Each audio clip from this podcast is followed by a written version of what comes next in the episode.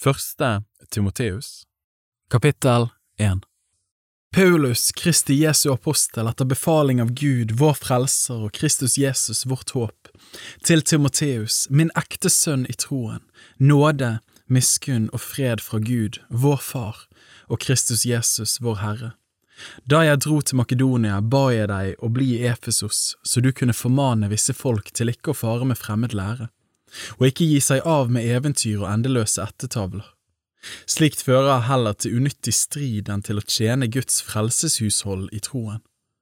Men budets endemål er kjærlighet av et rent hjerte og en god samvittighet og en oppriktig tro. Fra dette har noen fart vill og vendt seg bort til tomt snakk. De vil være lovlærere, men forstår verken det de selv sier eller de spørsmålene de uttaler seg så selvsikkert om.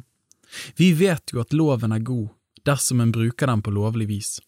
En må vite dette at loven ikke er gitt for den rettferdige, men for lovløse og ulydige, ugudelige og syndere, vanhellige og urene, fadermordere og modermordere, drapsmenn, horkarer, menn som ligger med menn, menneskerøvere, løgnere, menedere og hva det ellers kan være som strider mot den sunne lære. Etter evangeliet om den salige Guds herlighet, det som er blitt meg betrodd. Jeg takker Ham som gjorde meg sterk, Kristus Jesus, vår Herre, at Han aktet meg tro idet Han satte meg til tjenesten, ennå jeg før var en spotter og en forfølger og voldsmann, men jeg fikk miskunn fordi jeg handlet uvitende i vantro. Og Vår Herres nåde ble overmåte rik med tro og kjærlighet i Kristus Jesus. Det er et troverdig ord, fullt verdt å motta. Kristus Jesus kom til verden for å frelse syndere, og blant dem er jeg den største. Men jeg fikk miskunn for at Jesus Kristus på meg først kunne vise hele sin langmodighet, til et forbilde for dem som skal komme til tro på ham til et evig liv. Den evige konge, den uforgjengelige, usynlige, eneste Gud, ham være ære og pris i all evighet. Amen. Dette er det oppdraget jeg overgir til deg, min sønn Timoteus, i samsvar med de profetordene som før er talt om deg, så du ved dem kan stride den gode strid, i tro og med god samvittighet. Denne har noen kastet fra seg og har lidd skipbrudd på troen, blant dem er Hymenius og Alexander. Dem har jeg overgitt til Satan for at de skal bli tuktet så de lar være å spotte. Kapittel 2 Fremfor alle ting formaner jeg derfor til at det blir gjort bønner, påkallelser, forbønner og takk for alle mennesker, for konger og for alle som er i høy stilling, så vi kan leve et stille og rolig liv i all Guds frykt og ærbarhet.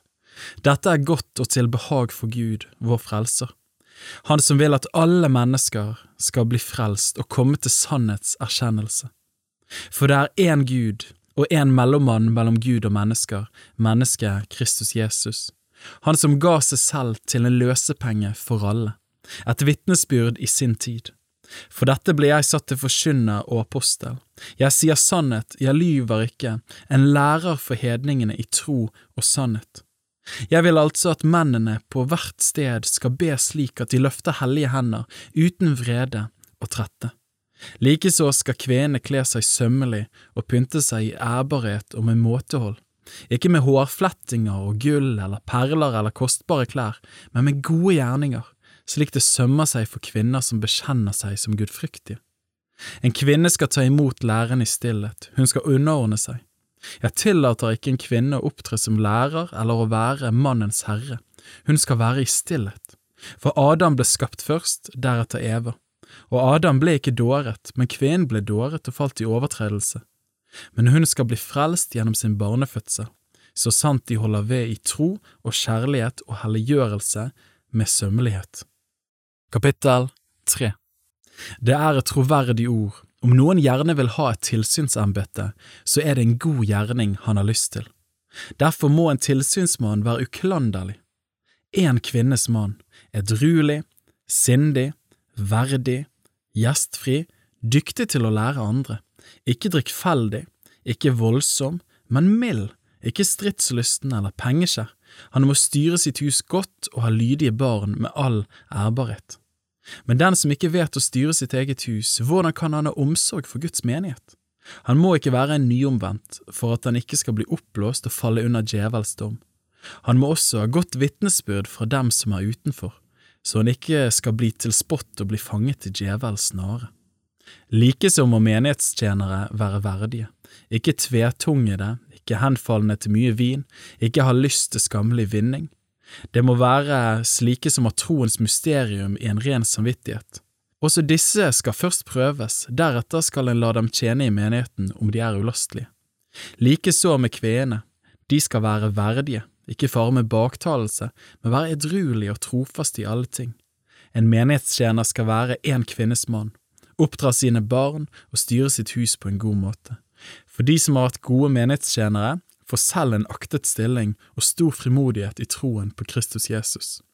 Dette skriver jeg til deg, enda jeg håper at jeg snart skal komme til deg. Men i fall jeg dryger, vil jeg at du skal vite hvordan en bør ferdes i Guds hus, som er den levende Guds menighet, sannhetens støtte og grunnvoll. Og det må alle bekjenne, stort er gudsfryktens mysterium, Gud åpenbart i skjød, rettferdiggjort i ånd, sett av engler, forsynt blant folkeslag, trodd i verden, tatt opp i herlighet. Kapittel 4 men Ånden sier med klare ord at i kommende tider skal noen falle fra troen og holde seg til forførende ånder og demoners lærdommer. Det skjer ved hykleri av falske lærere som er brennemerket i sin egen samvittighet. Disse forbyr å gifte seg og påbyr å avholde seg fra visse slag mat, ennå Gud har skapt den til å bli tatt imot med takk av dem som tror og har lært sannheten å kjenne. For alt det Gud har skapt, er godt, og ikke noe er å forkaste når det mottas med takk, for det blir hellighet ved Guds ord og bønn.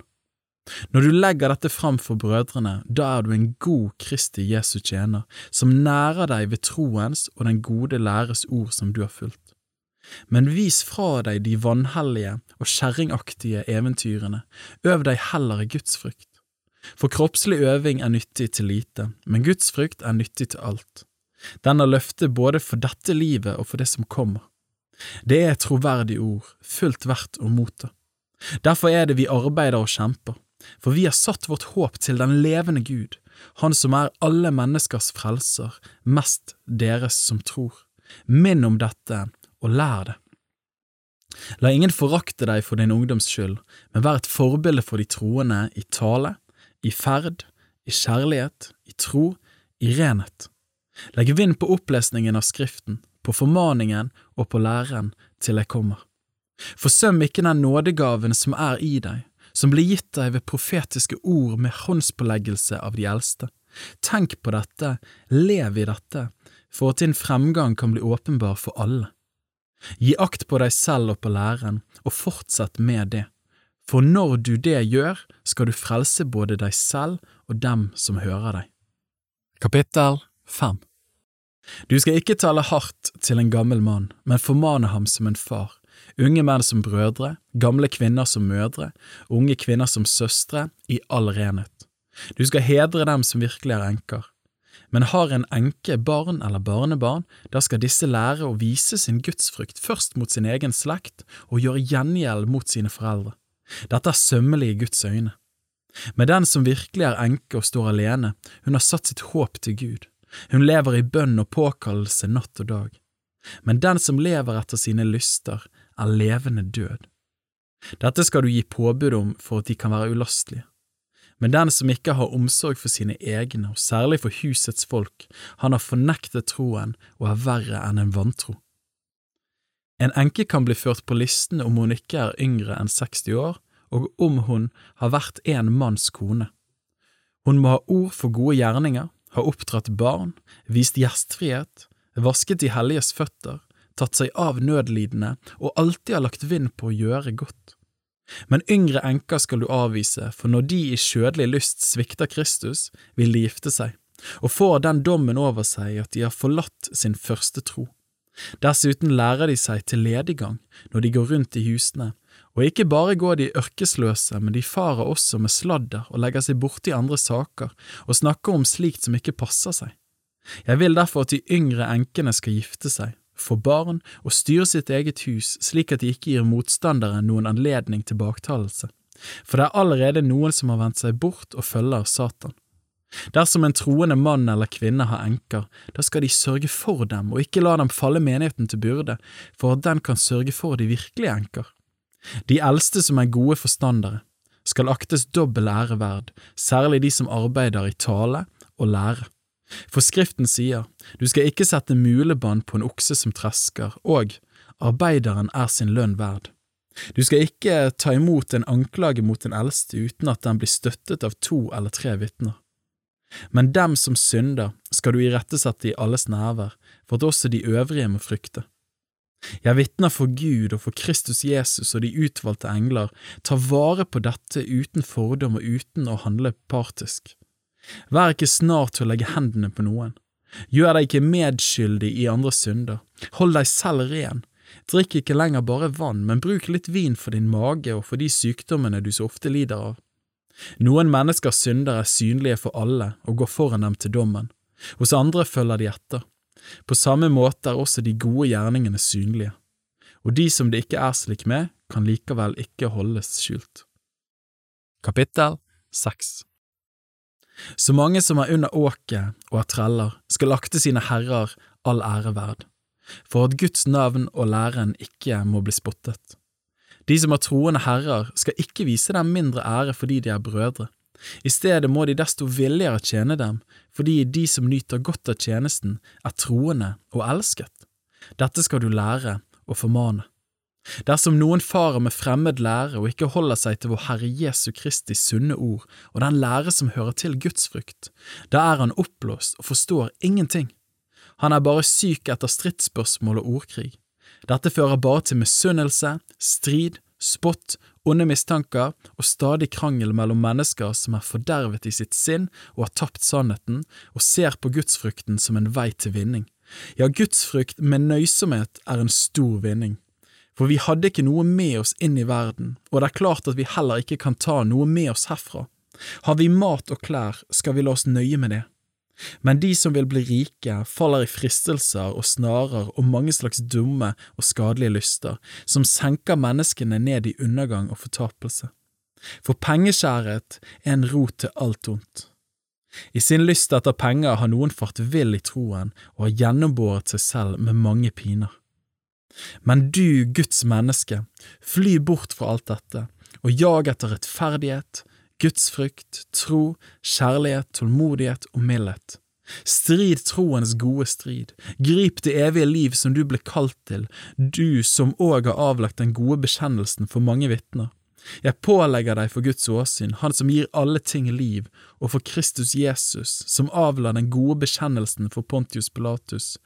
Hold budet rent og ulastelig inntil vår Herre Jesu Kristi åpenbarelse som den salige og alene mektige skal vise oss i sin tid, han som er kongenes konge og herrenes herre, han som alene har udødelighet og som bor i et lys dit ingen kan komme, han som ikke noe menneske har sett og heller ikke kan se, ham tilhører ære og evig makt.